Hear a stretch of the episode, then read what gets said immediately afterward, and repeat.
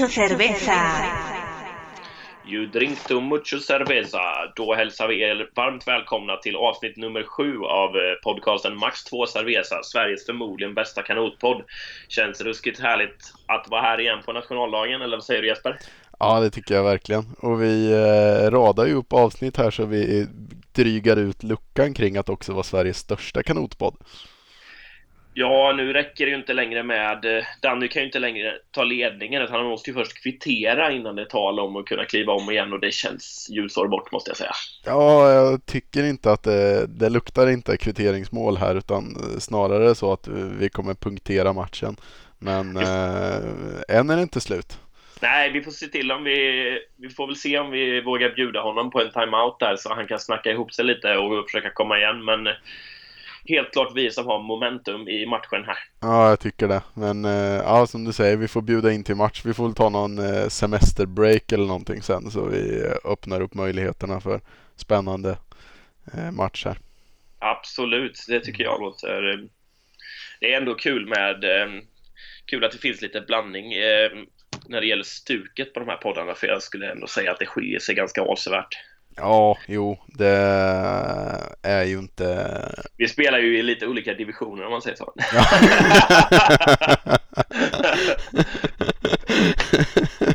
ja jo, det är klart. Man kan ju inte kasta in ett äh, allsvenskt lag mot äh, ett Korpen, så är det ju. Nej, precis.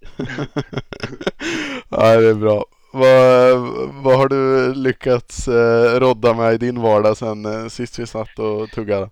Ja, men det har ju varit ganska härligt väder så jag har hunnit eh, jobba en del på brännan. Jag har eh, hunnit träna en del, mm. har jag gjort, med en del paddling. Det börjar dra ihop sig till lite Hofors-tävling i helgen. Mm. Och jag har även, inte bara, jag har inte bara jobbat på brännan utan jag har även jobbat på mitt jobb då. Så en dag förra veckan så hade jag tagit bilen till jobbet och skulle ta den samma hem. Eh, och tänkte ju att jag skulle dra och träna då i, i ja. i vanlig ordning efter jobbet. Och skulle först bara gå in och handla något snabbt mellanmål där som jag skulle sätta i mig. Ja. Och det var inga dimmer så, utan går in och handlar de här grejerna. Eh, är väl i affären i 3-4 minuter innan jag kliver ut därifrån. Och så går jag och sätter mig i bilen. Och så säger startmotorn liksom bara du, du, du, men det stoppade där. Ja. och jag bara, nej, jag var ju inte sugen på det här nu. och så gör jag om proceduren och sen, eh, ja, så bilen tyvärr klappade ju ihop där. Aj, aj, aj, aj. Så jag tycker det är lite samklang att det hände i närheten av en Hofors-tävling med tanke på vad som hände dig för två år sedan. Ja, ja det, det finns ju något eh, riktigt hemsökt med det där men det kanske är så ändå tur att den klappade nu och inte om, om eh, på vägen upp till tävlingen där. Nej, exakt. Det hade ju varit eh, något utöver det vanliga vad det mm. gäller eh, dålig timing så nej, det var väl ändå fanns någon form av vits i det hela. Ja, du hade mer flyten, men jag, nu ska jag inte grotta in mig på det där för det har vi snackat om tidigare, men jag hade ju maximalt jädra oflyt med tajmingen när, när min bil pajade. Det var verkligen så här precis innan man kom fram till Hofors, precis när klockan hade slagit efter fem på fredagskvällen så att alla som hyr ut bilar eller verkstäder hade bommat igen för helgen och det var liksom så här, hade den pajat en halvtimme senare så hade vi varit framme. Hade den pajat en halvtimme tidigare så hade vi varit i Västerås och haft tillgång till verkstad och hyrbil liksom. Kunde inte bli sämre timing. Herregud. Det, och det var dessutom en fredag. Och ska man säga, vilken tid var det ungefär? Ja, det var väl säkert vid sex på kvällen eller något sånt. Det fina är ju, hade det varit en vanlig tisdag och vi säger att de här bilmekarna hade slutat sådär 17, då oh. kanske det ändå finns en en teoretisk chans att han skulle kunna tänka sig att vända tillbaka. Men när det ja. gäller just en fredagkväll då, då är det ju verkligen Ja, det finns ingenting i hela världen som får dem där att vända om och, och göra någonting outside the box. Nej, det, det var ju verkligen helt tvärkört. Av, ja men verkligen på, på hela veckan, av alla timmar och möjligheter på, på en hel vecka du kunde tänka dig skulle vara sämsta läget på sämsta platsen att bilen skulle paja. Så var det precis där som jag lyckades tajma in. Jajamän. Ja. Ja. Nej, så är det. Vi, vi får hoppas att vi undviker det den här resan och ja. att eh, ja, min bil kommer gå fint efter. Har den, jag, är den lagad nu då? Den är fixad men eh, faktum är att jag faktiskt inte har kört så mycket bil efter det. För mm. det är lite, jag måste säga att det är inget ont som inte har något gott med sig. Det här som, eh, ja, i och med att jag var utan kärran där ett par dagar och även var rejält förbannad över, den här, över det här haveriet då, gjorde ju att jag började cykla en del istället. Så jag har transporterat mig enormt mycket med cykel nu sista tiden. Du tog ut din frustration på att trampa ja, lite men istället? lite så. Lite ja, så.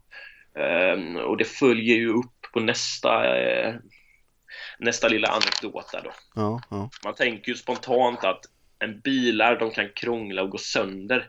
Mm. Um, men sätter man sig bara och trampar rätt upp och ner på en cykel då kommer det ju vara eh, problemfritt och sådär. Men det är ju ganska långt ifrån sanningen. ja, verkligen. Cykel är den värsta materialsporten man kan tänka sig. Ja, nu skulle jag inte säga att min eh, svarta treväxlade kärringhoj är någon materialsportarhoj, men eh, den kan krångla den med, fick jag erfara i veckan. Mm. Eh, det var så här, jag skulle ja, jag hade varit iväg en sväng, eh, jag hade varit och tränat på förmiddagen och eh, ja, jag var hemma, käkade lite lunch och sen så eh, jag vet inte, det är någon inneboende, nu låter jag som en sån riktig foliehatt här, men det är Det är någon lustig inneboende energi i den soffan jag har uppställd i mitt rum för jag lyckas alltid somna på den i tid och otid. ja. Jag vet inte vad det är. Mm. Så jag hade ju käkat min lilla lunch här och eh, satte mig på soffan för att dricka kaffe. Mm. Och då är det en, en hårfin avvägning där. Man, man kan vänta på att kaffet blir eh, liksom drickbart rent temperaturmässigt. Mm. Men väntar man för länge så hinner du somna och får liksom inte i dig koffeinet som då håller dig vaken. Så, så det är verkligen viktigt att du ser till att, att sysselsätta dig med någonting de här avsvalningsminuterna innan kaffet. Det är en, det är en riktig fråga om timing det där. Oh ja, herregud. Man säger, om du får till det där, då kanske du till och med blir uttagen i ditt egna sofflag. Ja, det är inte alls omöjligt. Nej. Ehm, jag har nominerat mig själv eh, till att bli uttagen. Ja. Så, ehm, det är någonting jag hoppas på. Ja, får vi se när styrelsen har, eh, ska sättas ner på ett möte och göra färdigt uttagningarna bara. Jajamensan. Ehm, men i den här härliga soffan då så, så råkar jag ju somna. Och jag, jag, jag, brukar ju inte ställa så många alarm mitt på dagen och säkert inte eftersom det är eh, rent eh, Ja men de är, det är ju totalt spontan insomning vi snackar om. Ja. ja. Eh, så jag vaknar upp och har ju sovit för länge. Ja. Jag har ju lyckats försova mig till klockan två på eftermiddagen.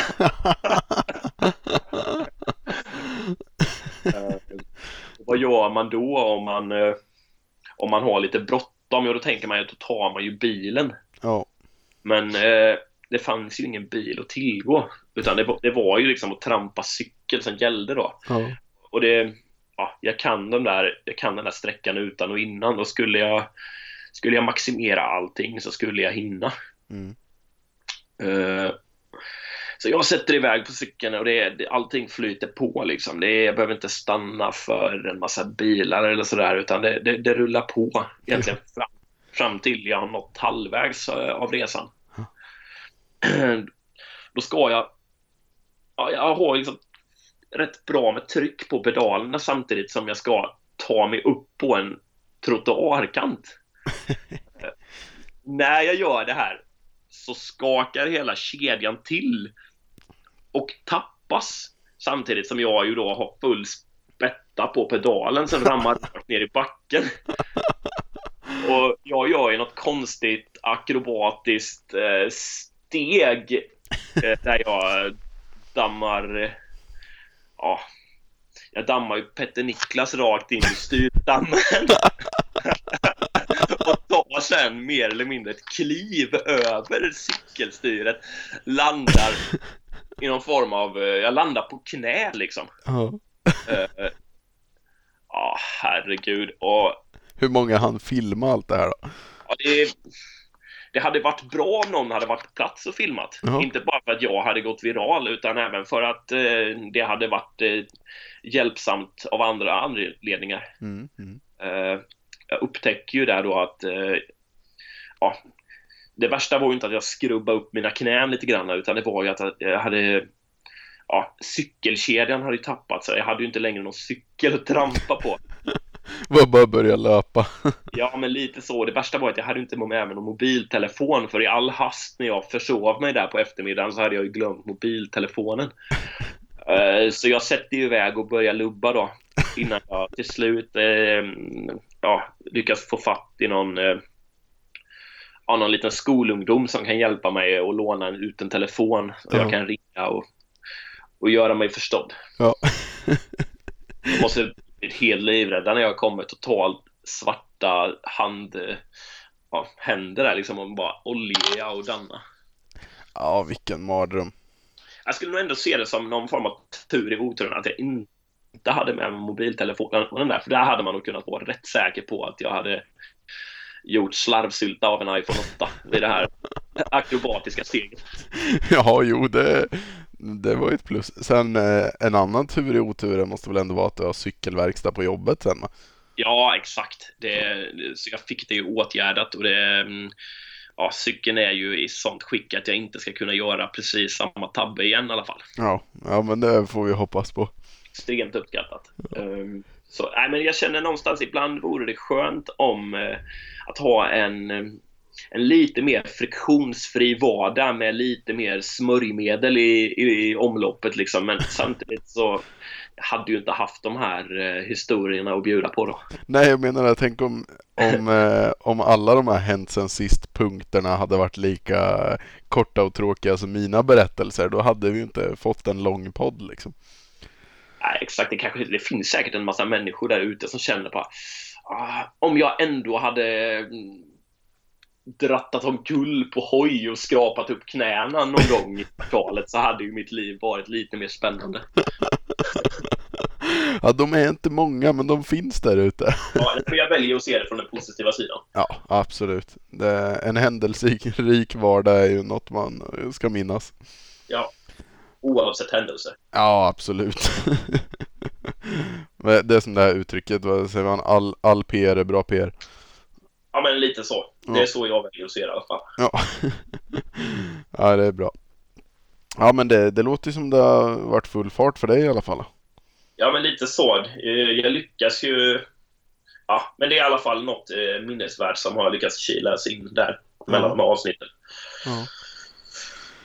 Ja, jag har inte lyckats få in sådär jättemycket spännande även om det har haft det trevligt. Jag var i Västervik eh, helgen som var eh, och ja, men hade det jättetrevligt. Tog det lugnt och käkade gott och drack lite öl och umgicks med eh, eh Ida och hennes familj då. Eh, så det, det var trevligt. Eh, och sen eh, gjorde vi faktiskt debut i, eh, vi, jag och en kollega har börjat lira så här eh, divisionsspel eller vad man ska kalla det i, eh, i paddel. Eh, fasen. så vi gjorde debut i det i söndags och kammade hem en stor seger. Så det, det var ju ändå värt att minnas. En stor seger. Jajamän. Vi, Och det är under korpenflagg det här spelet, eller nej? Ja, alltså det beror ju på vad man vill Alltså det är ju inte Korpen som anordnar det men Nej, absolut är det ju någon form av motionsturnering. Det finns ju liksom i, där vi spelar då i Norrköping, det heter Squash Center och de har ju paddelbanor också då. Så har de, anordnar ju de ett divisionsspel så det finns divisioner ända från 1 till eh, 17 så det är ganska mycket Ja, divisioner just det. med liksom sex lag i varje serie så då. Eh, och sen ja, så pågår ju det här seriespelet så kan man ju gå upp och ner i divisionerna. Ja, det är ju logiskt liksom. Eh, så det är ju jädrigt populärt så det känns ju hårt att kalla det för korpenverksamhet för de som är i de högsta divisionerna är förbannat duktiga. Men Ja. eh, det är klart att det är motionsklass eh, på det hela. Jajamän. Men det är alltså så att där, där ingår alla oavsett vilken nivå man spelar på i samma Ja. seriesystem då kan man säga. Ja men exakt. Ja. Så då, och vi, vi har ju precis hoppat in i det där då. Så vi är ju såklart i den lägsta poolen då, så, som var division 17 fick vi börja i nu då. Nu utan att säga för mycket så tror jag väl att vi, vi har lite mer i oss än att bara vara i den divisionen. Så det, det visade vi väl första matchen här i alla fall. Det var lite roligt. Vi, vi spelade emot ett, ett eh, tjejlag. Eh, de var jädrigt duktiga faktiskt, även om vi lyckades vinna eh, rätt stort i siffrorna. Men man var ju skapligt nervös innan när man skulle göra sin eh, första match där och tänkte man nej, vi kommer få dyngstryk av tjejdäng. Liksom först eh, tävlingsdebut och åker på tjejdäng. Det är bara att kasta in handduken sen. Men, men det lyckades vi undvika så det var ju skönt.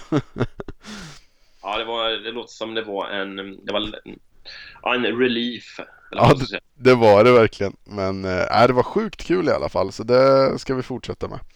Men med stor vinst, det eh, skönt att det börjar så då. Eh, Jag vet eh, senast jag, eh, eller inte senaste gången, men för, förra gången jag skulle in och eh, ja, men spela någon, tävla i någon annan sport på lite, lite grann hobbynivå så var ju när jag skulle spela korpen i innebandy. Mm, mm. Och där var det lite samma då, att man fick anmäla in sig i en, eh, en division. Ja. Vil- Vilken division var det ni gick in i här? Ja, 17 var det då.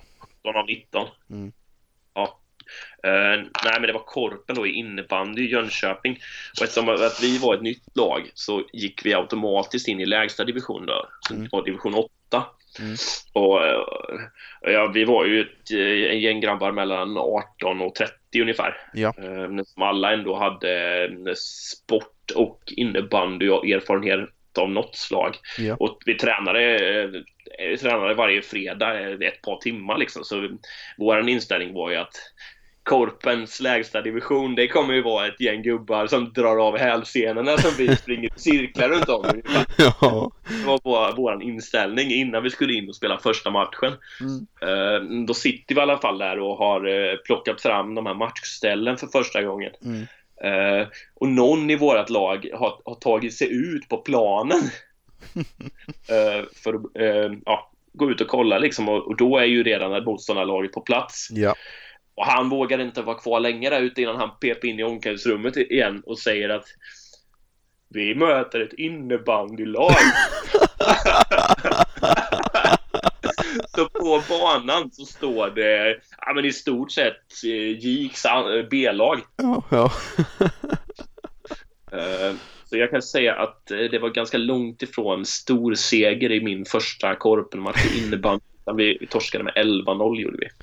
Jag Men vi tror, fortsatte faktiskt efter det. ja. jag tror ofta i de här typen av seriespel med lite motion eller korpennivå på så är det ju den lägsta divisionen man får börja i är ju oftast svårare än sen nästkommande divisioner för att det är många nya lag som kan vara ganska duktiga. Eh, bara att de, de är- automatiskt längst ner för att de är nya.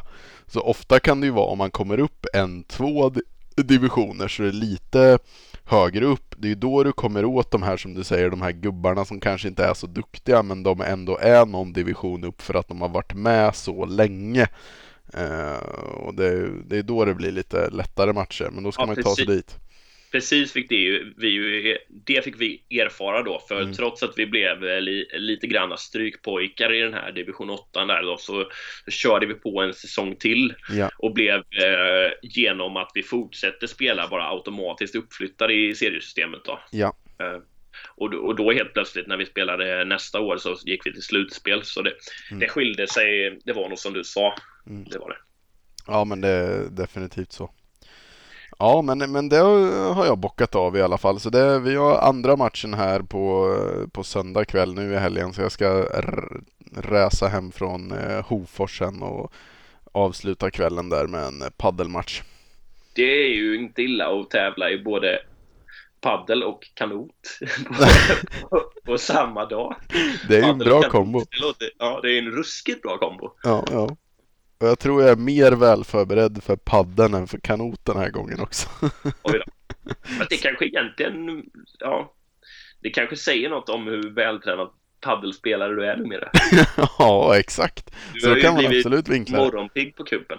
Ja, jag, jag spelar ju en del med eh, Eh, Andreas eh, Edhag som också är gammal kanotist. Eh, och vi har ju skojat flertalet gånger om att vi nu börjar gå upp tidigt på morgnarna och spela paddel på ett sätt som vi aldrig någonsin hade fått för oss att göra när vi paddlar kanot. Så det ju, vi har ju verkligen blivit hurtiga kring att eh, spela tidigt på morgonen i alla fall. Ja, det är imponerande. Det kan nog ändå ha att göra med att det är en ganska varm och mysig inomhushall och ett så pass mjukt underlag eh, som i krisfall även skulle duga och lägga sig och sova på. Det kan absolut ha någonting med det att göra. Det, ja, det finns ju absolut något charmigt i att tävla och träna utomhus kring kanot men det är ju förbannat skönt ibland att komma till en inomhushall där man har samma förutsättningar alla dagar i veckan. Ja, eh, men så som det har varit nu sista veckorna så har det ju faktiskt varit fantastiskt i alla fall i Jönköping. Eh, riktigt gött med lite höga temperaturer. Mm. Ja, det börjar bli varmt. Här har det varit rätt blåsigt eh, tycker Mm. jag ändå, men värmen är ju definitivt på gång. Ja, men jag väljer ändå att ja, jag får blunda lite för blåsten där, för blåst det har det gjort, men det är klart när det börjar klättra över 25 då är jag, då är jag hemma. Ja, ja, då är man nöjd. Då är man nöjd och glad. Ja. Ja. Ja, men gött. Nu ska vi sväva vidare in på lite eh, nästa fundering här kring eh, ja, körschemat. Eh, Ja, Vi pratade ju om här att vi skulle införa en ny lite typ hänt sen sist punkt också som skulle kretsa lite kring våra sociala medier. ja, och då är det inte Jespers Instagramkonto vi talar om, Nej. utan vad talar vi om? Ja, vi talar ju om kanotgruppen. Givetvis denna guldgruva av eh, roliga inlägg som har mycket eller lite med kanot att göra. Ja, det, oavsett vad de handlar om så är det ofta roligt i alla fall. Så det, det Otroligt vi- mycket känslor inblandade. Ja, det är det verkligen. Mycket engagemang. Jag gillar sånt som berör Ja, på djupet. exakt. Det är många gamla rävar som gräver djupt i kanotgruppen. Jajamän. Ehm, men det är vi... eh, Ja, det lyckas ju hända någonting nästan varje vecka i den här gruppen och det, denna veckan så var det i allra mest i ögonfallande att det förra helgen var maratonvärldscup i eh, Norge där då Ja, med Danny Halmén i, eh, som ledare för det landslaget då. Och aktiv faktiskt. Och- och aktiv och eh, i någon form av veva var han nog både ledare och aktiv i Bohus bergsprängning som var där. Eller Ja. var det maratonlandslaget? Eller var det Bohus? Kan du? Eller var det både och? Eller, eller var det eller var det samma? Eller, Eller var det aktiv? Eller hur var det nu? Eller medieansvarig var det kanske? Eller drickalangare? Jag vet inte. Jag vet inte heller. Det hade någonting med maraton att göra och Bohus bergsprängning har nämnts i samma mening. Men utöver det fattar jag ingenting. Nej, nu tycker jag ändå att vi får... Eh, nu kommer jag att tänka på det vi snackade om för två podcaster sedan att eh, eh, det var ju ett Instagram-inlägg där om att hela Bohus var uttagna men Danny han nämnde ju aldrig att han själv skulle köra. han undanhöll information. Och han måste ju, det, här, det mest spännande informationen, det, det höll han väl på för att liksom droppa på plats sådär bara. Ja, ja exakt. Sen är ju Ja. frågan, nu var de i Norge också.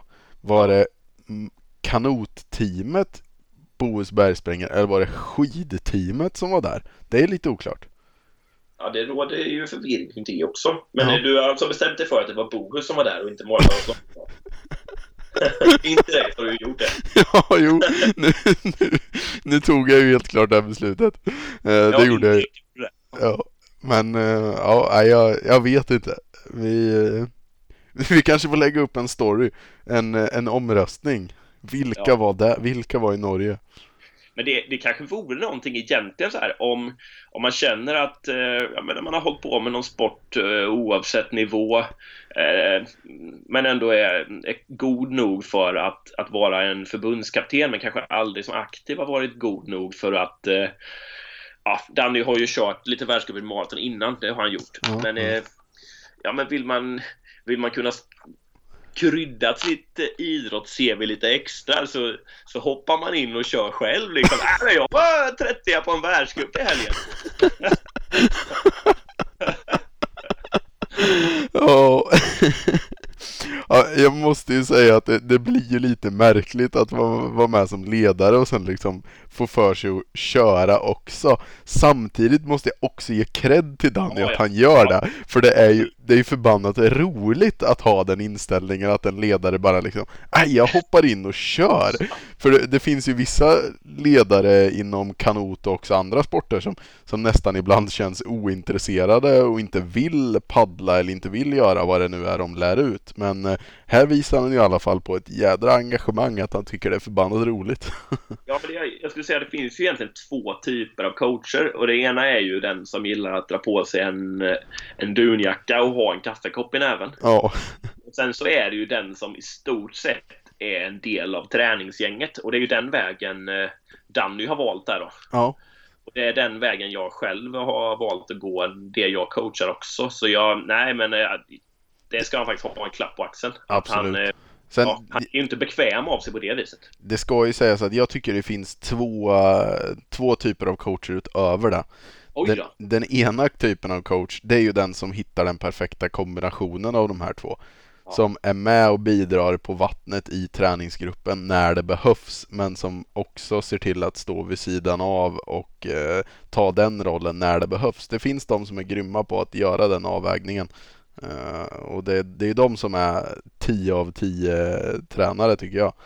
Uh, ja. Och sen finns det ju den här sista kategorin och det är den här typisk, typiskt ryska tränaren. Han som paddlade C-paddling 1953 och tog någon form av OS-medalj då och sen har någon form av hedersmedlemskap i ryska kanotförbundet och prångt måste vara med på en plaststol på bryggan i Port Portugal på träningsläger och blir bjuden på buffémat. Han tillför absolut ingenting, men han sitter där och han är där och han, bara hans rena rama aura får liksom hela landslaget att känna att de måste göra sitt absolut yttersta. För han tog minsann OS-guld 1953.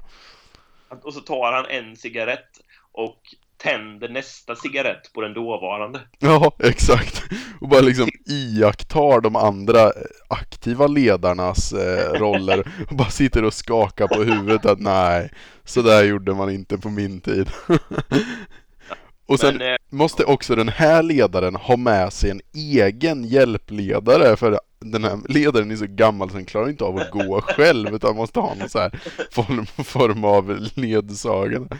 Ja, det, det är det ryska sättet att coacha på. Det har vi sett hända. Vi får se när Danny väljer att plocka med de här stofilerna. ja. Det är kanske är nästa steg för Bohus skidteam eller kanotteam eller maratonlandslaget. Ja, exakt. Mm. Men vi har i alla fall, eh, säga vad man vill om Dannys inhopp där, men vi har lyckats skönja att det finns en vanlig väg, men även en köksväg in till världscupsbanorna. ja, det gör det. Vi knäckte koden. ja, du kan ta köksvägen till en start på en världscup genom att ta ledarvägen. Ja, precis. Vi knäckte Ja, och då kanske vi ska glida över till det vi faktiskt skulle prata om här kring eh, kanotgruppen och vad var det som hade hänt kring det här eh, Bohus eller maratonslaget eller skidlaget eh, på, i, i, relaterat till kanotgruppen? Jo, så här ligger det till och Danny skriver ju ett inlägg efter andra dagens tävlande. Eh, och eh, ja, efter andra dagens tävlande och skriver eh, att eh, så här har det gått, de här resultaten har vi haft eh, idag. Mm. Um, därefter eh, så, så, står det ju då um, Ja men det var ett, vi hade varit guld till i juniorklassen där såg jag. Ja. Det får man ju säga var starkt. Absolut. Uh, och ett brons i juniorklassen också. Ja. Och sen så går man ner och kollar i kommentarsfältet och det finns ju lite olika sätt att kommentera. Du kan ju göra en tumme upp. Du kan, ja, du kan ju skicka en, en emoji. Ja. Du, du, kan ju skriva en liten text, där, grymt. Ja. Och sen kan du ju använda det över tredje sättet där då, som är en, eh, en GIF. Mm. Uh, och du är ju ändå ganska ung och, och, med i det digitala gamet, får man väl ändå säga. Ja, det, det, hoppas jag i alla fall. hur, hur mycket känner du att du uh, brukar använda dig av för giffar? alltså det, det, är ju rätt kul med giffar men eh, ja, det är ju inte jätteofta jag använder dem ändå alltså. Ja, men jag måste ändå säga att man, man bör ju tillhöra man bör ju ändå ligga lite grann i framkant vad det gäller tekniken för att, för att, att ha koll på det här med giffar. Ja, jo, ja men så är det väl. Jag tror att den genomsnittliga GIF-användaren är väl 23 år kanske. Ja, det kan säkert stämma. Uh, nej, och det gör ju det hela ännu mer intressant. Uh, för vi har... Det är ju en person där då som har eh, kommenterat. Mm. Uh, den som har kommenterat är Uh, den som har kommenterat är Anders Karlsson som... Uh, är distraherad av något smsande i bakgrunden? Till där. Jag får be så hemskt mycket om ursäkt. uh, nu kan jag lägga fullt fokus på min historia här igen. ja, det är bra. På tema. Ja, det får jag också komma in lite osökt på det här med teknisk kompetens och det tog mig flera minuter att lyckas stänga av det här jobbiga pliktfångandet. Du kanske fick ja. en GIF skickad till dig? ja, exakt. Den var extremt störig i alla fall. Uh, nu ska jag inte tappa tråden här en gång nej, till. Nej, nu kör vi. den som har kommenterat då mm. Uh, är, uh, är Anders Karlsson som, ja men han har ju figurerat med en massa olika funktioner i i Svenska Kanotförbundet och nu mm. för, närvarande så är han GIF-master. GIF-master. Nej, men han, är, han, han jobbar ju en del med det administrativa, bland annat bokar hotell och så här. Mm. Eh, Bokar långa omvägsresor via mellanlandningar i Vitryssland mest.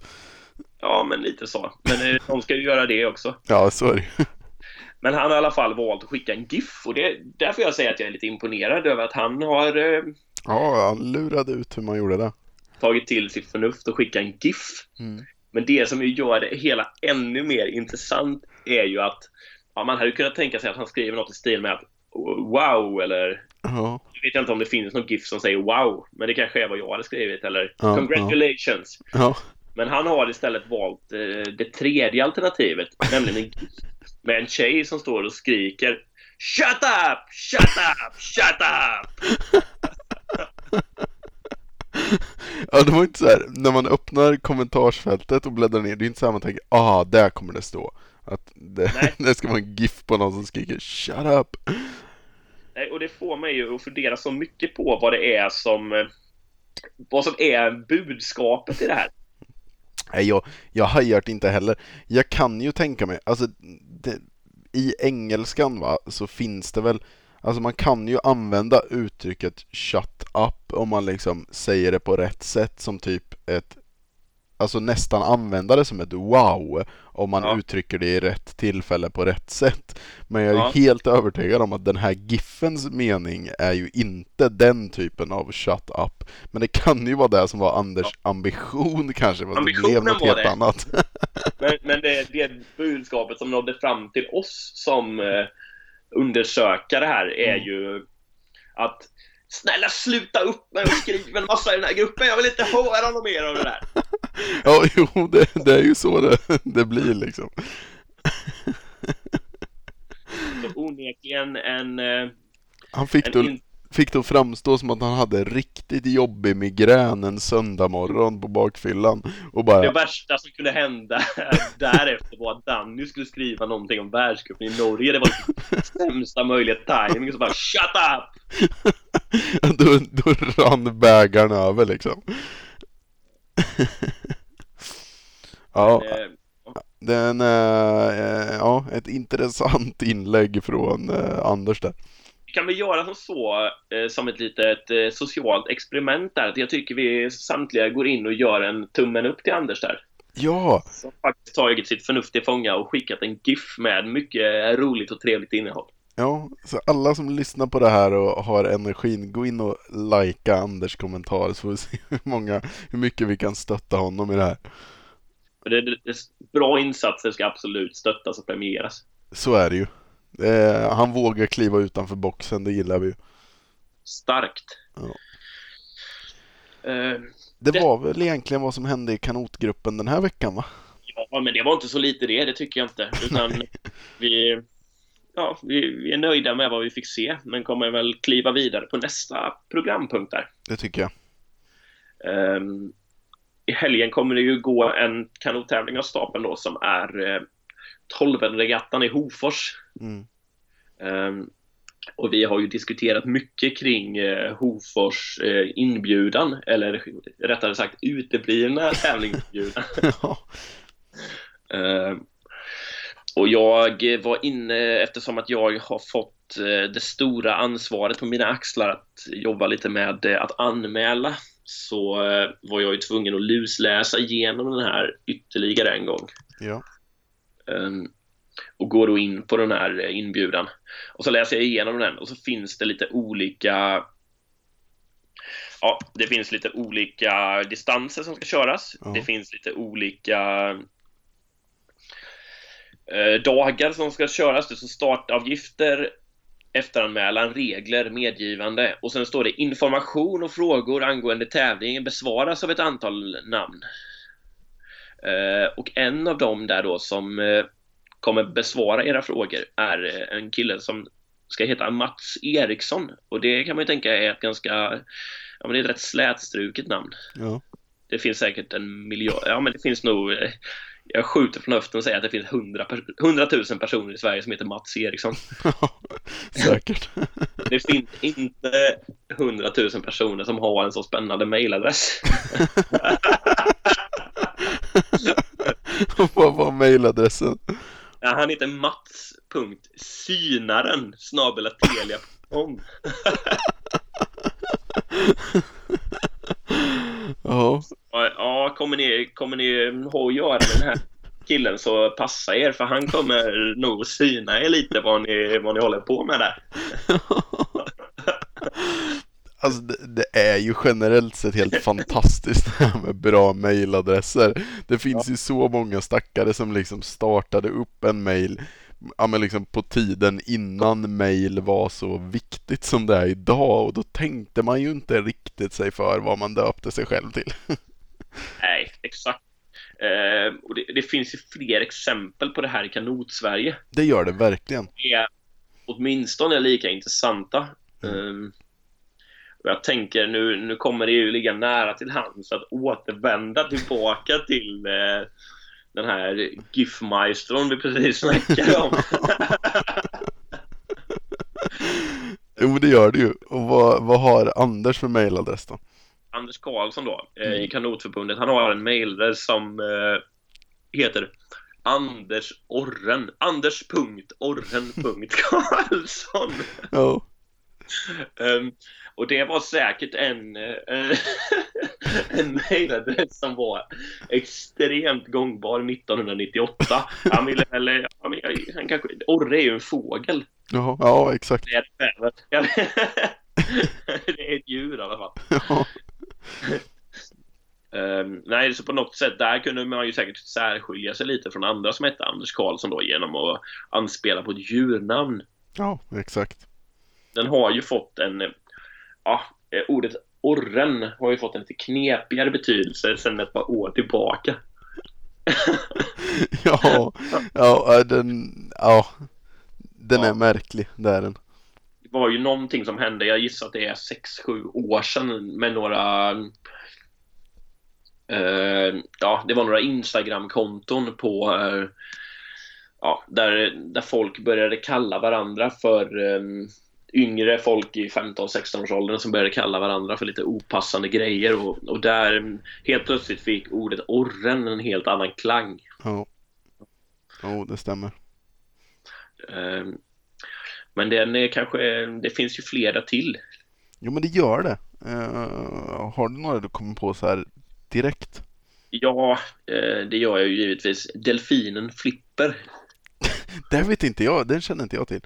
Jag får gissa vem det skulle kunna vara. Nej, den är helt omöjlig. Um, det är Conny Edholm. Ah, okej. Okay. Jag kan inte säga om det är den rådande mejladressen, men det kan vara så att han har eh, uppdaterat sig och faktiskt skaffat en när det, det gamla ja, den gamla mejladressen inte riktigt blev gångbar längre. Men eh, ja, han har ju rätt spännande namn på övriga sociala medier så jag tycker inte det är någonting som talar för att han skulle ha bytt. Nej, men eh, i alla fall så har han alltså haft den, den mejladressen. Ja, en officiell mejladress som heter eh, Ja, Delfinen Flipper. Ja. Jocke Lindberg har ju också en mejladress med jotte9000 eller något sånt där. Ja, den är svår att anspela på vad, vad som för sig går riktigt. Ja, det är ju någon kombination av ett eh, ton, ja, tioårings smeknamn och eh, en SJs nya tågmodell typ. Är det inte en gammal Saab? Ja, det skulle man kunna absolut säga. En, ja, en Saab 9000. Och en Jotte. Det var hans ja. drömbil när han var 12. Det var väl allas drömbil när man är 12 Vem har ja, inte dreglat över en Saab 9000? Jag kanske borde skaffa en nu om, om min bil går sönder en gång till ska jag skaffa en. Eller om min cykel eller bil går sönder en gång till då blir Saab 9000. Helt rätt tycker jag. Det är ett bra beslut. Ja. Och sen, ja, vad har vi mer? Förresten så, på tal om Conny Edholms mejladress så såg jag här eh, på någon lista att han har en mejladress som heter Conny Kanot nu, så han har uppdaterat sig lite. Ja, den är ju ändå inte helt... Eh, ja, visst fasen har han uppdaterat sig, men det, det finns ju mer strömlinjeformade mejladresser ändå. Ja. Kanot, han har valt att ta någon medelväg där. Ja. Jag gjorde ju, när vi, prat, när vi skulle prata om den här punkten lite så använde jag ju en mejllista som jag har tillgång till i alla fall som är utskicket med KGs träningsprogram och där är det ju väldigt många kanotrelaterade mejladresser. Så ja. det, det, finns ju några roliga där. En klassisk är ju eh, proffs understreck 66. Ja, den är ju också totalt intetsägande. ja, men kan du inte gissa vem det är? Ja, men givetvis borde jag ju kunna det, men det står ju helt still i min boll idag, så jag kan inte komma på exakt vem det skulle vara. David Johansson. Proffs 66. Ja. Ja, ja okej. Okay. Ja, men just de här numren också. Ja. Ja, men det man tyckte väl var häftigt att man var ett proffs när man var 12, men nummer 66. ja, men det är så här, man tänker att man ska ta sitt, ta sitt eget årtal man är född och så var det någon annan som redan har tagit det så då höftar man bara något istället. Ja, shit. Ja, det måste vara så. Det måste verkligen vara så.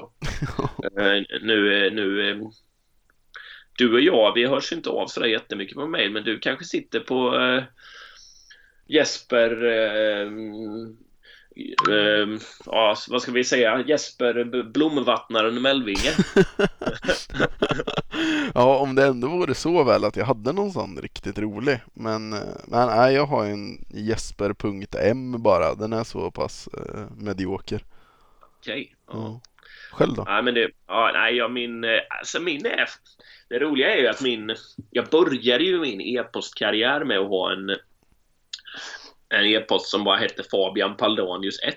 Ja. Och det får man ju ändå säga är ganska slätstruket. Ja, det, det, är, det inga utsvävningar att tala om mer nummer ett där. Nej, nej. Eh, jag tror nog egentligen bara att jag gjorde bort mig helt och hållet när jag la till den där ettan. Men i, i efterhand så drog jag historien att ett var, min, var mitt favoritnummer. Ja, ja. ja det, det lät liksom lite ballare så. Jag var tvungen att försvara det lite.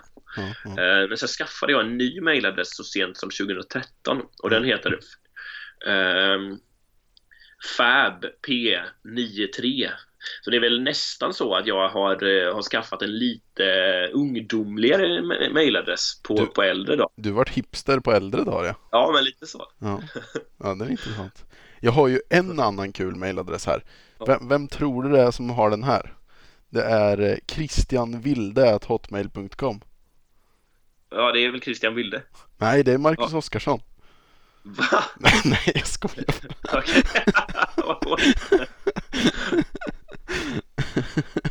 ja, den hade ju varit magstark annars. Chocken i din, uh, din röst. Va? Ja, men, ja, men det, Ja, nej, jag fick inte ihop någonting där. Den hade tagit, då, då hade liksom or orren och synaren legat i... Han var legat i lä då. Ordentligt. ja men härligt. Ja men det känns väl som vi kan sväva bort från de här mejladresserna nu va? Uh... Ja men vi tackar eh, orren, synaren och delfinen Flipper för det här härliga inspelet. Så tar vi oss vidare i programmet. Ja, det, det gör vi. Uh, och då kanske vi ska reda ut vi ska ta fram eh, kirurgkniven här och börja montera ner allt som hände på senaste världscupen då. Jajamän, det ska vi göra. Mm.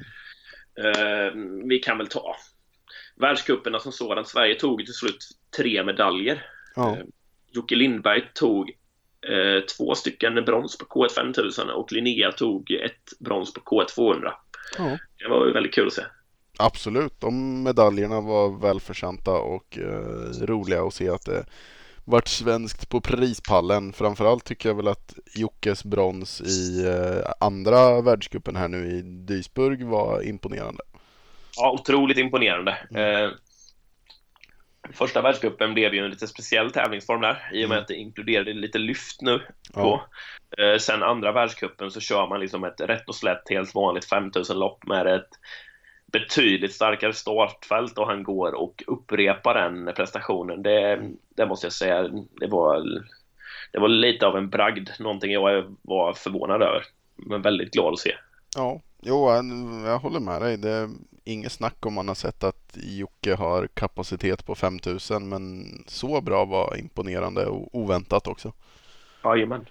Jajamän. Eh, sen eh, utöver det så Petter fick ju ingen A-finalplats med sig i andra världskuppen här va? Men inte särskilt långt ifrån heller. Nej, nej. Det var väl på en liknande nivå. Ja, men precis. Och sen var ju Sambacka var ju tillbaks i K4 eh, och det vart väl ett, ett lyft för dem så, men eh, fick väl inte till något strålande resultat ändå så. Nej, det fick de inte. Nej, det, det, får man väl ändå säga. Jag, jag, tror inte de är nöjda. De fick inte köra någon B-final där till exempel. Nej. Så det var väl inte riktigt vad de hade hoppats på. Och inte vi heller. Nej, vi, vi har ju lurat på det här nu fram och tillbaks vi mycket vad vi tycker om, om resultaten här och det Ja, vi vet inte riktigt. Vi, vi kan väl sammanfatta det lite som att vi utan att på något vis eh, mena något illa mot de personerna som tävlar för det, de gör ju sitt bästa och vi har ju själva varit där och gjort vårt bästa och vet vad liksom ja, man, man gör ju bara vad man kan och vill, alla vill köra så bra som möjligt men men det är lite synd att inte nivån är eh, högre liksom, generellt sett på svensk kanot just nu.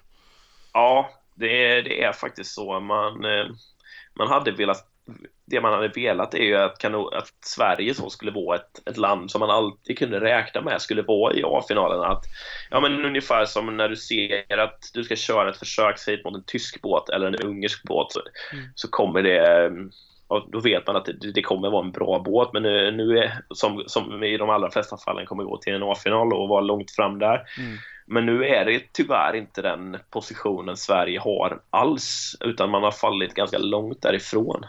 Ja, och det känns ju på något vis inte som att eh, landslagsledningen och kanotförbundet i det hela är på väg i rätt riktning heller tycker jag inte. Eh, de gör småsteg och förändringar som ibland ser positiva ut, ibland negativa och absolut finns det intentioner som är bra men helheten, det finns liksom ingen röd tråd, man ser inte att det går framåt, man. Det, det händer liksom ingenting.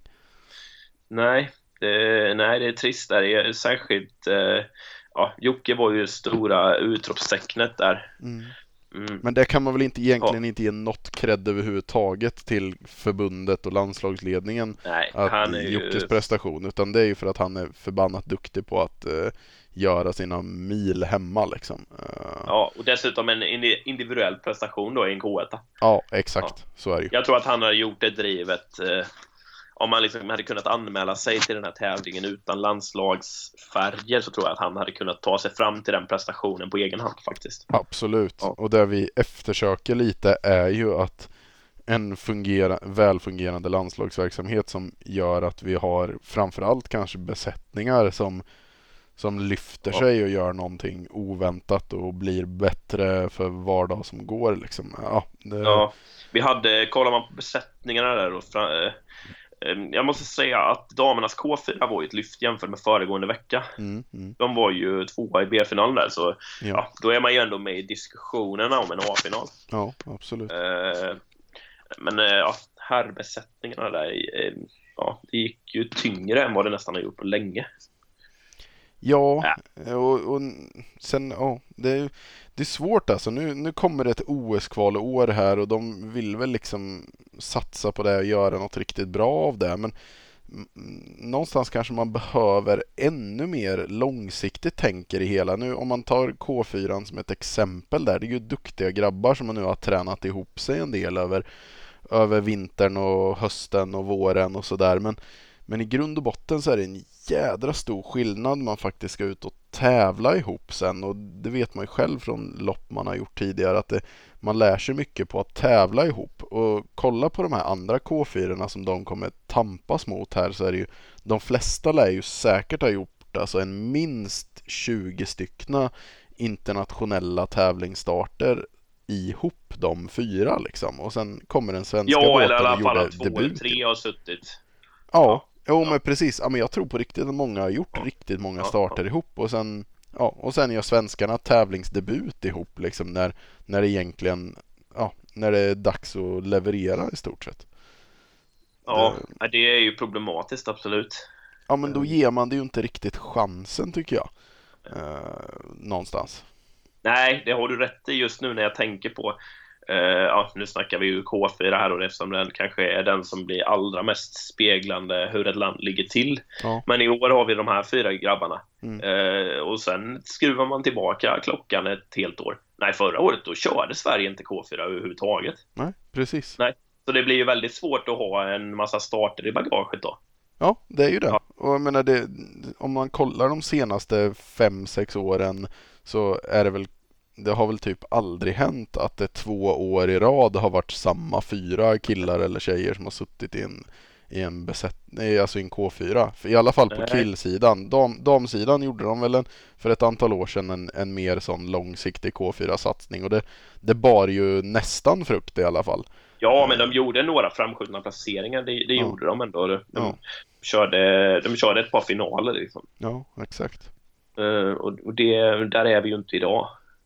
Nej, verkligen inte. Och jag fattar ju att det där är en svår balansgång för kommer det upp någon ny uppstickare på svensk mark som gör det bra då kanske man vill ge dem chansen att sitta i K4 eller sådär. Men ja, men, ja det, det behövs nog lite långsiktigare tänk än vad det har varit senaste tiden. Och det, det, måste finnas någon trygghet för de som är med i landslaget som lägger ner sin tid och energi på det. Och, ja, och det ja. måste också finnas någon trygghet att sträva efter för de som inte redan är med idag.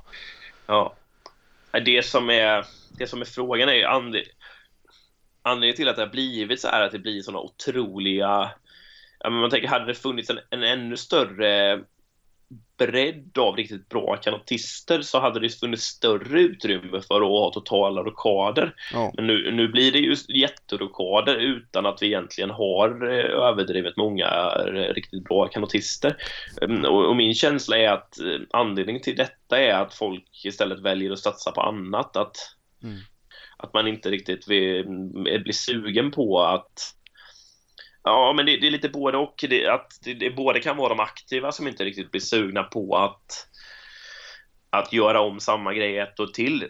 Men kanske mest viktigt att inte landslagsledningen eh, väljer att, att ge förtroende en gång till då. Mm, mm. Eller inte riktigt vet vad man ska göra utan att det blir ja, man, man väljer att chansa med nya grejer. Att man chansar med något helt annat eller så chansar man med att inte köra alls. Ja, precis. Ja, det, det, det, är direkt förbannat dåligt alltså om man eh, summerar allt det, det hela. Vad, vad, man, ja, vad man gör av de resurserna som ändå finns. Det, alltså det är fruktansvärt dåligt alltså om, man, om man faktiskt sätter sig ner och börjar kika på vad, vad som görs och, och vad som finns. Alltså det, saknas mycket fingertoppskänsla att ge dem som, de som förtjänar chansen liksom.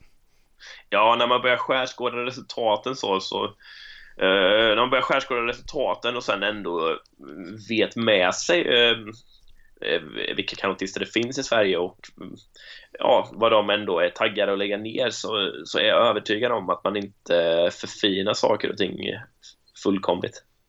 Nej, Nej det, det borde finnas så mycket, mycket mer att hämta och, och av, ja. Ja, av så många aktiva och så mycket, alltså det, ja, man, man lyckas verkligen inte få ut potentialen och det det är ju en, ett jättestort frågetecken för kanotförbundet tycker jag. För någonstans måste man ändå sträva efter eh, framgång i den största grenen de har att jobba med. Liksom. Ja, det, det är absolut. Eh, det skulle ju hjälpa sporten så otroligt mycket om vi ja, det är ju det bästa skyltfönstret vi kan få, att det börjar gå bra för, för A-landslaget såklart. Ja, precis.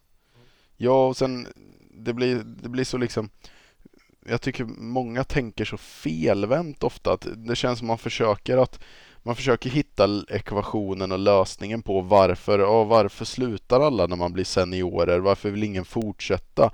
Och sen tror alla att lösningen är att ja, men alla blir deprimerade för att de inte kommer med i landslaget och därför så ska man helt plötsligt försöka hitta på någon någon, någon landslagstrupp på 25 pers med sju olika träningsgrupper där alla ska få en liten finger med i spelet och bara få ett eh, extra tävlingslinne med tre kronor på och tro att man ska bli motiverad att paddla för det. Det är ju liksom patetiskt. Det är bättre att förbundet lägger sina stora resurser, eller stora nu uttalar jag mig helt fel, små resurser kan man säga, så kan ja. man säga eh, på de, eh, på de eh, som faktiskt är Eh, som faktiskt är längst fram i landslaget och visar på att ja, men de här tio aktiva eller vad det kan vara, de ger vi goda förutsättningar att göra toppresultat.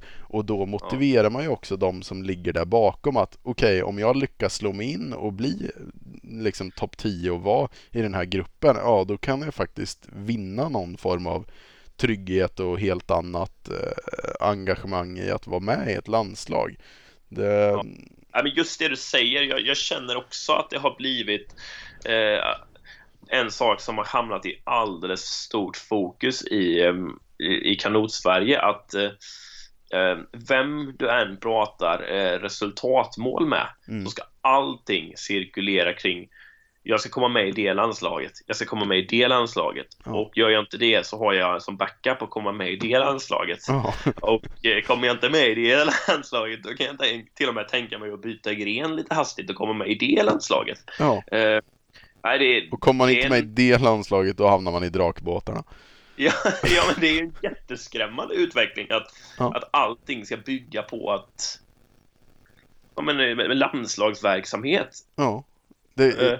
Kan det vara så enkelt att eh, lösningen för kanotförbundet kanske är att skaffa sig en förbannat dålig klädsponsor som levererar skittråkiga landslagskläder? För då är det ingen jäkel som kommer vilja sträva efter att få dra på sig det där landslagslinnet. För det verkar ju som sagt vara allas ambition kring allting. Man, man, har ingen tanke med vad man vill göra i landslaget, vad för resultat man vill uppnå, vilka roliga upplevelser man vill bygga kring sin idrott eller om man vill tjäna pengar på det eller om man vill ta medaljer. Utan det enda handlar om att liksom få någon form av klapp på axeln. Ja, grattis, du fick ett gratis realinne. Du var med i ett landslag. Ja. Jag menar, det spelar ju ingen roll vilken eh, vilken sport du håller på med. Men, men är du inte...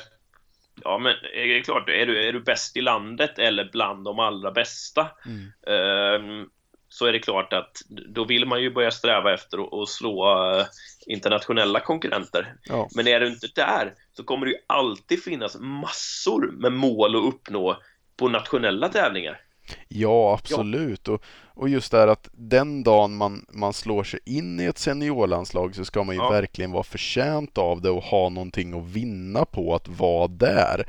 I Sverige ja. känns det som att vi kan, vi kan ha ett etablerat seniorlandslag som lägger ner sin energi och sitt liv på att försöka paddla kanot snabbt. Och sen ja. så när de ska ha någon form av säsongspremiär och komma igång inför året på en vårregatta i Jönköping då ja. man kanske inte är i toppform med utan bara liksom ska ja, paddla igång säsongen, ja men då, då råkade man få stryk av en eh, liksom liten junior som hade sin formtopp och gör sin bästa tävling någonsin. Och helt plötsligt då, ja men då ska det ro göras rokader i hela landslaget för annars kommer det en tjurig förälder och skriver arga inlägg på kanotgruppen om att landslagsledningen inte tar ut deras barn i landslaget för de gjorde en bra vårregatta. Och, och då liksom bara det finns ingen kontinuitet, det finns inget, ja, det är så jädra bakvänt alltså. Ja, och med, och med den mentaliteten som lite har blivit så kanske många faktiskt drar sig för att ta det där sista klivet upp till de där fem som du snackar om. Ja. För man har det ändå, man är ändå på den där nivån att man är nummer 12 och ändå kan tillhöra landslaget. Ja, precis. Ja, och, och, då ser man inte riktigt den här sista moroten till att kliva vidare Eh, ja, och få det lite bättre förspänt eh, som de allra främsta där. Nej, men precis. Nej, och sen i grund och botten är det... ändå samma sammanhang. Ja, ja, men för i grund och botten är det ju en ekonomisk fråga kanske också där att, att man, man behöver hitta ett sätt att det ska vara en ekonomisk morot att leverera alltså världscupfinaler eller, eh, eller VM och EM-finaler kanske liksom på så vis så att man då, då kan hamna i någon, någon sån grupp i landslaget att ja, men ni är de här fem, sex bästa som faktiskt levererar eh, eh, finalplatser och medaljkandidater på mästerskap, ja men då ska ni faktiskt kunna leva på er idrott istället för att vi ska lägga resurser på att vi ska ha en tränare som ska svara på mail på de som är topp 30 i Sverige och ändå tycker att de ska vara med i ett typ av landslag. Det... Ja, för det har nästan blivit någon form av eh, rättighet att, ja. man, att kunna tillhöra ett landslag. Ungefär samma rättighet som att tillhöra en klubb så ska det bli en rättighet att tillhöra ett landslag. Ja. Eh, det blir dumt alltså. Ja men kolla på, kolla på svensk kanot just nu. Gå igenom en startlista på eh, vilken svensk tävling som helst med alla seniorer och kolla hur många procent som någon gång har varit med i ett landslag. Det är typ alla.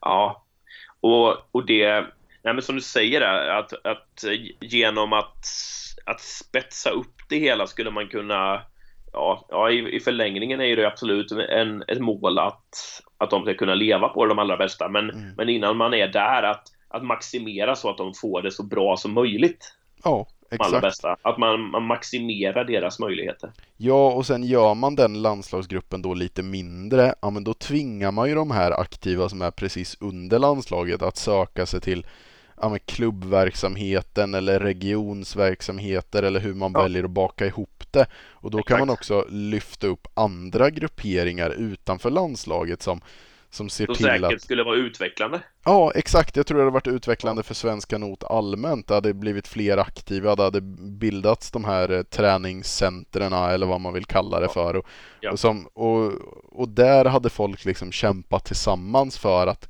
sträva efter att hamna i den här lilla landslagsgruppen där man kanske då kan ha ekonomisk gynnsamhet i att faktiskt hålla på med även en så liten sport som kanot liksom.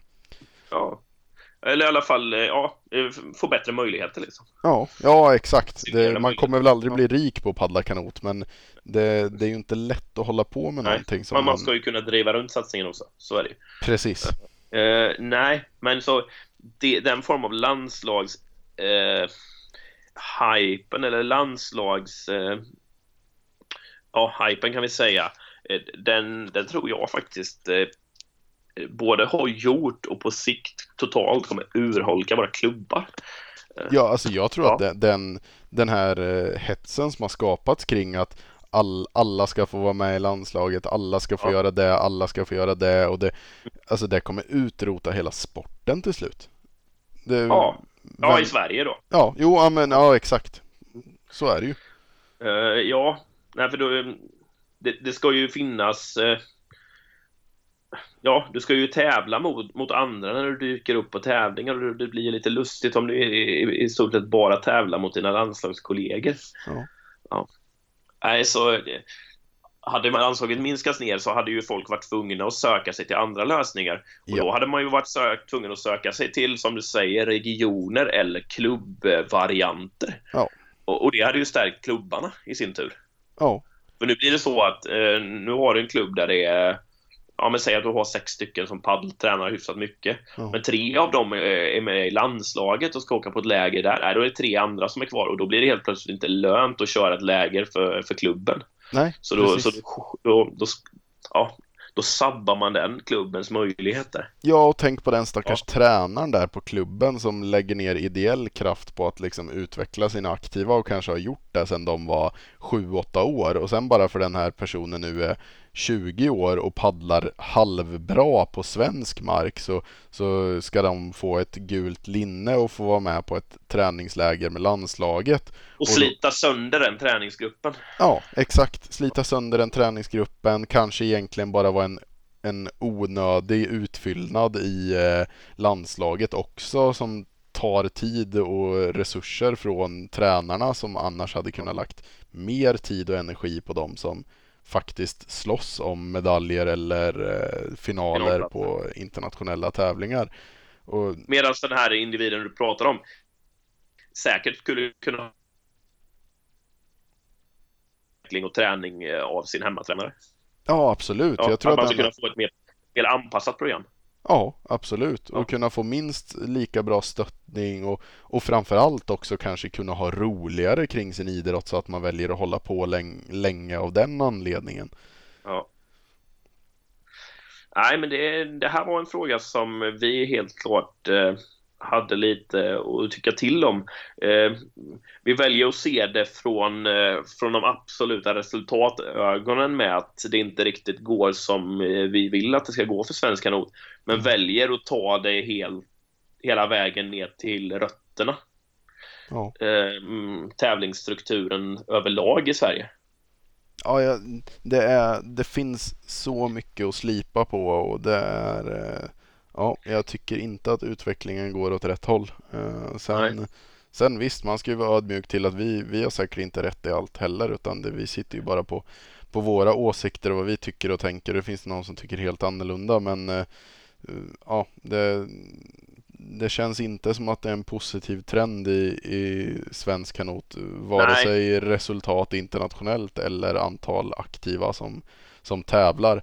Det enda, Nej. enda trenden som går åt rätt håll det är antal aktiva som får bära landslagskläder.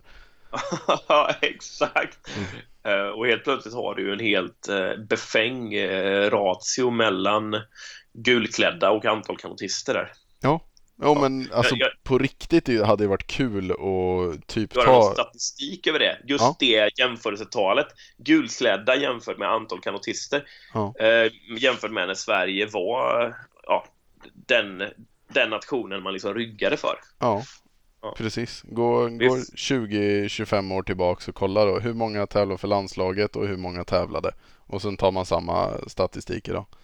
Nog... Vi har uppfunnit någon form av nyckeltal här i, Ja. i klass med, med pi och eh, ljusets hastighet och, och Einsteins konstant liksom. Ja, ja men Ja, det är jäkligt intressant ändå hade det varit att räkna på det. Så, ja, vem... Sitter det någon där ute som är sugen på att sätta tänderna i lite statistik på det här så ja, hjälp oss gärna på traven. Ja, ja då är det bara att börja räkna. Jajamän. Ja, ja härligt. Men vi har ändå kommit fram till någonting. Vi, vi har kommit fram till eh, ja, en ekvation som vi tror kan, eh, kan ge i alla fall en liten fingervisning om vad som kan ha gått snett och vad som vi vill se görs annorlunda. Ja. Ja. Sammanfattningsvis, sammanfattningsvis så är vi djupt besvikna på vart vi ser svenska noter på väg. Ja, men det, det är klart, jag tycker man ska vara besviken för det, det visar att vi bryr oss. Ja, jo men exakt. Och vi menar ju inget illa på något vis mot, mot några personer. Så, utan det är bara att den allmänna helheten är inte bra alltså. Nej, den är på väg åt fel håll. Ja. Men eh, the only way is up. Ja. The Jo, only way is hela vägen upp till en tippning i Hofors. ja, precis. Ja. Vad säger vi om den då? Ja, som eh, våra kära lyssnare vet om så tippade vi lite resultat inför föregående tävling i, i Rocksjön där då, Ja. eh, i seniorklasserna. Och vi tänkte göra om samma grej nu. Ja, vi, eh, ska väl försöka att inte bli för långrandiga med det här, men, utan vi Nej. kör väl lite snabba puckar, men vi går väl igenom distans för distans. Ja, vi körde damerna först. Vi gör det den här gången också. K1 200. Nu, nu kommer det faktiskt till ett litet tippningsmoment extra. Mm. Normalt sett så, så tippar du ju utifrån eh, mm, vem du tror kommer padda snabbast. Men nu är ju frågan vem kommer dyka upp? För ja, ja, som vi nämnde innan så väldigt mycket fokus ligger ju på vilka som är landslagskanotister. Men bland de som ska vara allra längst fram så är det ju helt givet att de är landslagskanotister och jag är inte helt säker på huruvida den här är en landslagstävling eller inte. Nej, det har vi lite oklarheter kring. Men nu tror jag ju dock att startlistan har släppts här så vi kanske kan få lite hjälp på traven av den. Ja, men vi, ska vi lägga till det momentet man helt enkelt får tippa Ja, vi chansar. utan- Vi, vi vi chansar. bara skjuter från höften. Ja. Ja. K1 200 dam. Jag tippar eh, Linnea följt av Moa följt av Melina. Ja, eh, jag... eh, ja.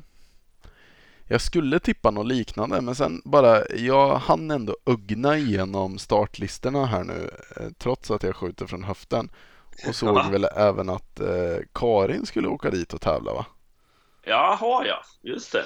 Du Eh. satt på lite eh, inside där. Ja. Nu vet Jo, precis. Hon är faktiskt anmäld och där kan ju ruska om det hela. ja. Så Ja, jag säger eh, Jag säger Linnea Moa Karin då. Eller ska jag Ja. chansa på att Linnea inte dyker upp? Nej, jag vet inte. Vi kör på det. Linnea Moa Karin. Eh, då kör vi K1 500 där. Jag tror att alla kommer dyka upp även till 500-loppet. Mm.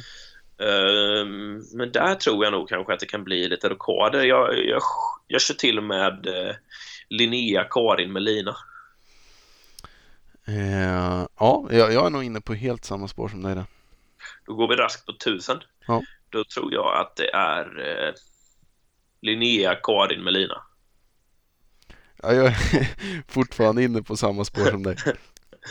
Ehm, och sen har vi ju längsta loppet där och vi såg ju Julia Lagerstam köra riktigt bra på världscupen i Poznan så jag tror faktiskt att där kommer det skilja sig lite.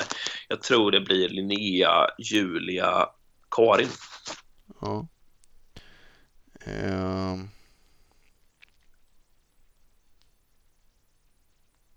Ja, jag tror Karin vinner långloppet. Ehm.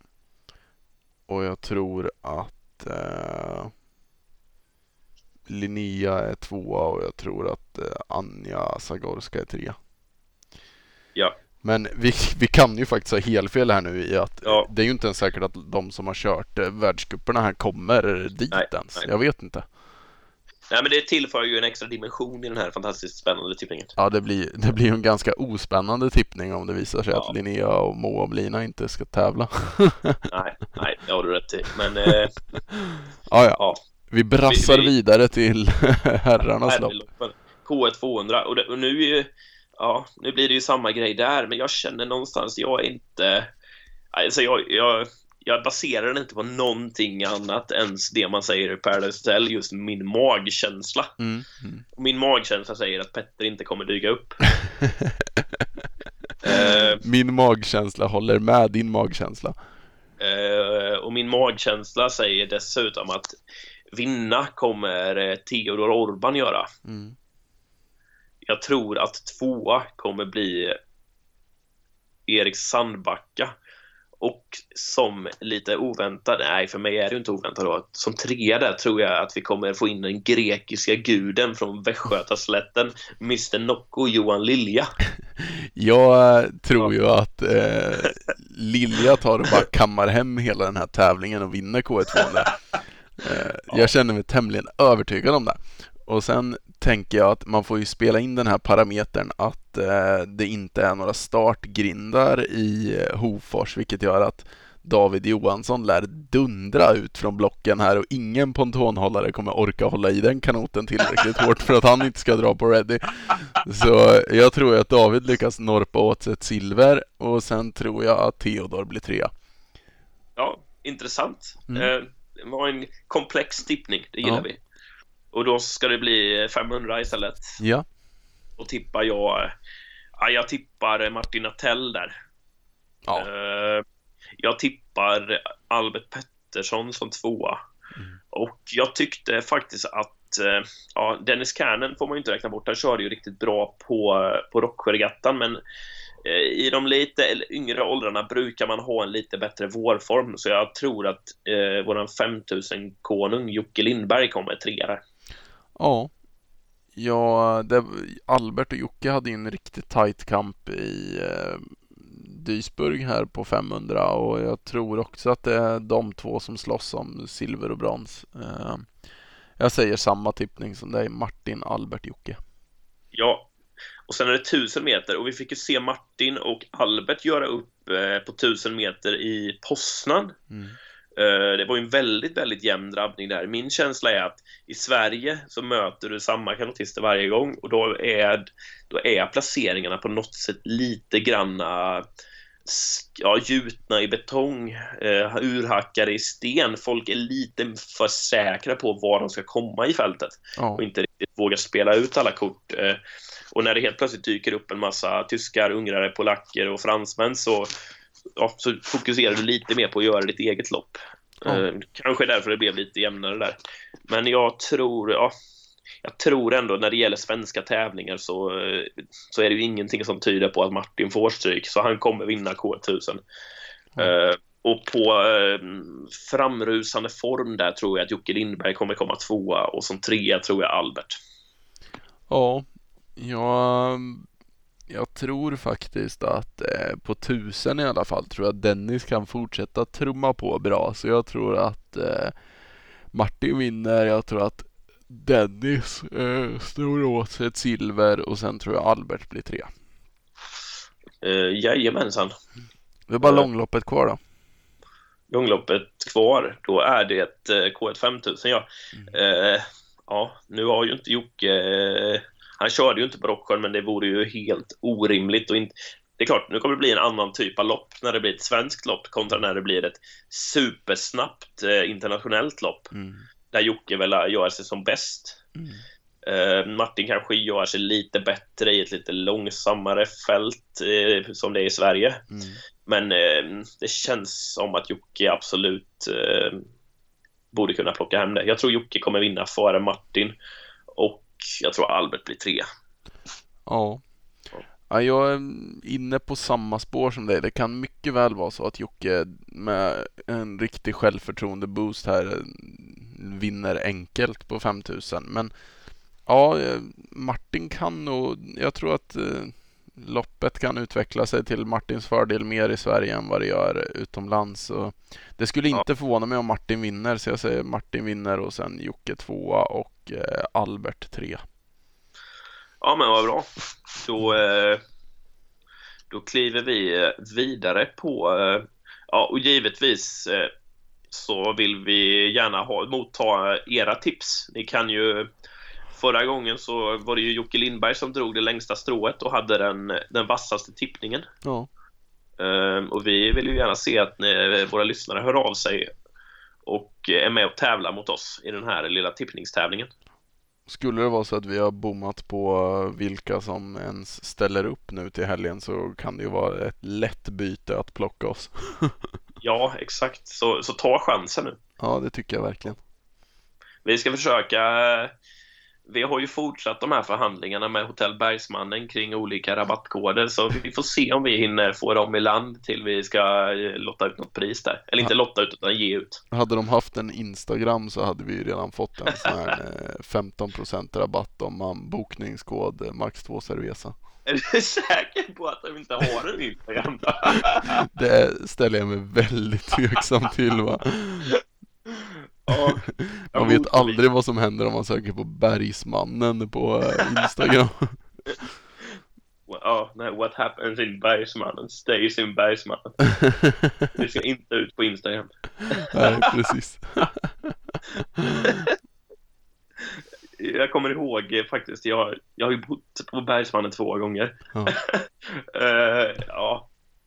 Och så fanns det, ja men i en normal hotellobby så brukar det ju finnas sådär sju, åtta toaletter. Mm. Eh, men på Bergsmannen fanns det en. Och den delades med Hofors bibliotek. Så du var tvungen att hyra en bok för att få låna toaletten? Ja, men det var lite så. Jag, jag, och då vet, vill jag minnas att Henrik Strand då, som var iväg och körde världscupen nu, bodde på samma hotell som mig. Mm. Och jag frågade honom, var ligger toaletten? Eh, den ligger där ute. Den ligger där ute vid, vid biblioteket. Men kolla noggrant på, på, på, på tvålbehållaren.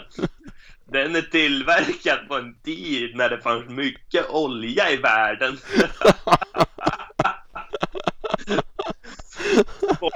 det stämmer, det var verkligen en, en otroligt plastig grunka i någon brun plast som absolut inte har tillverkats efter 1995. Vad säger Miljöinspektionen om den då?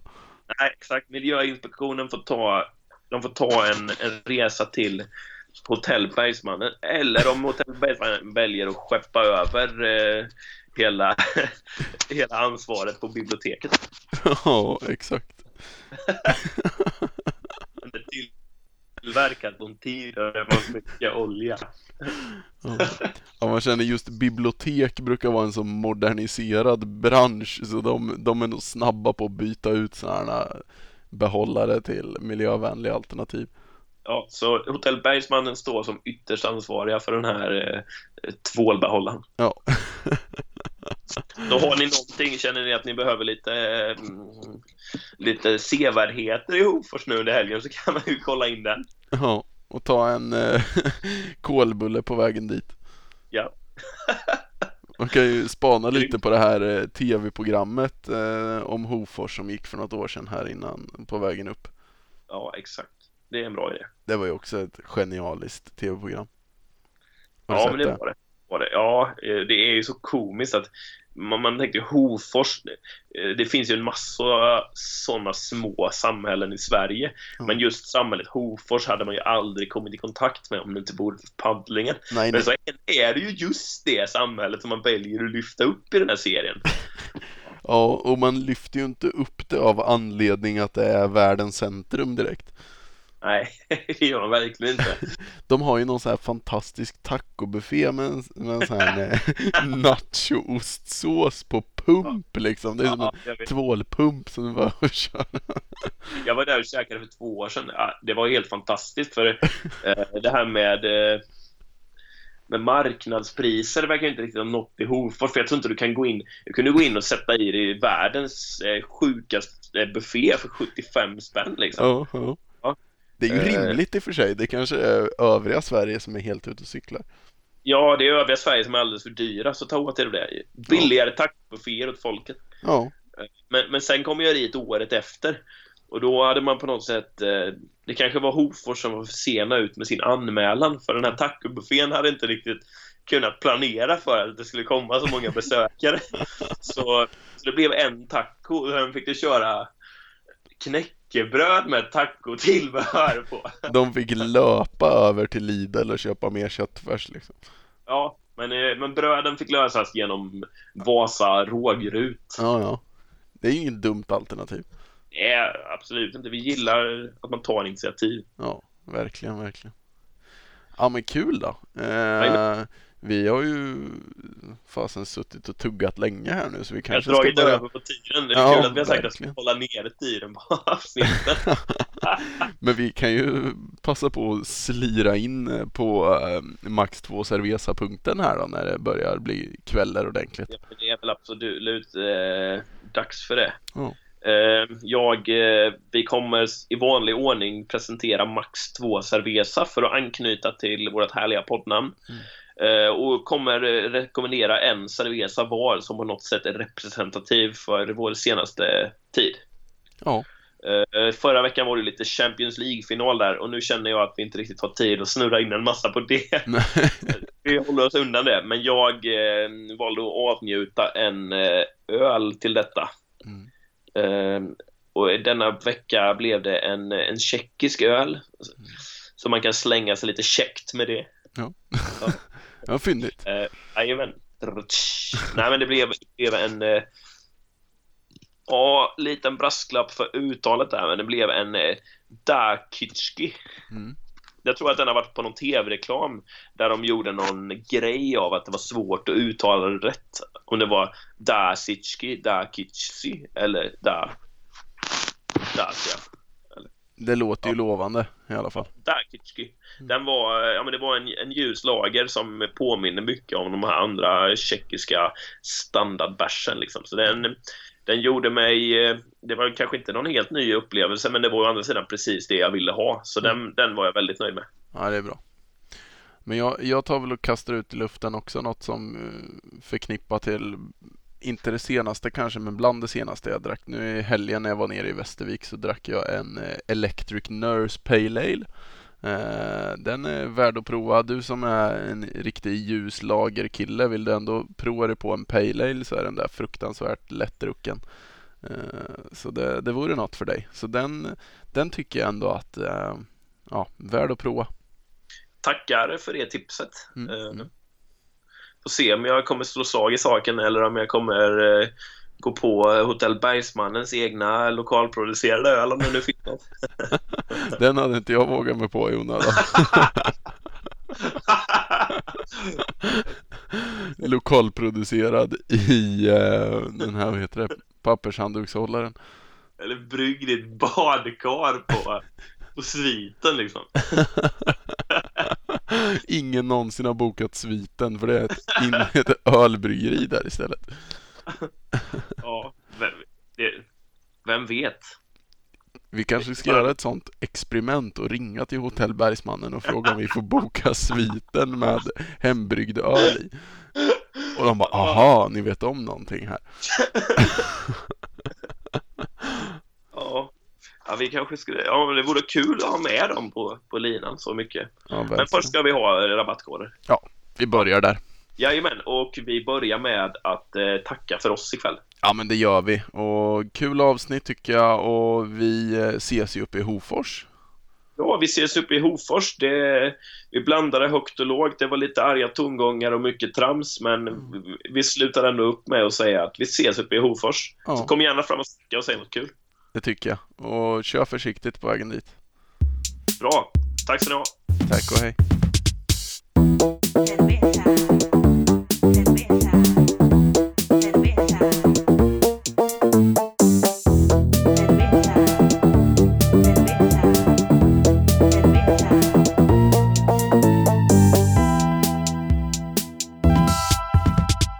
Yo drinto mucho cerveza.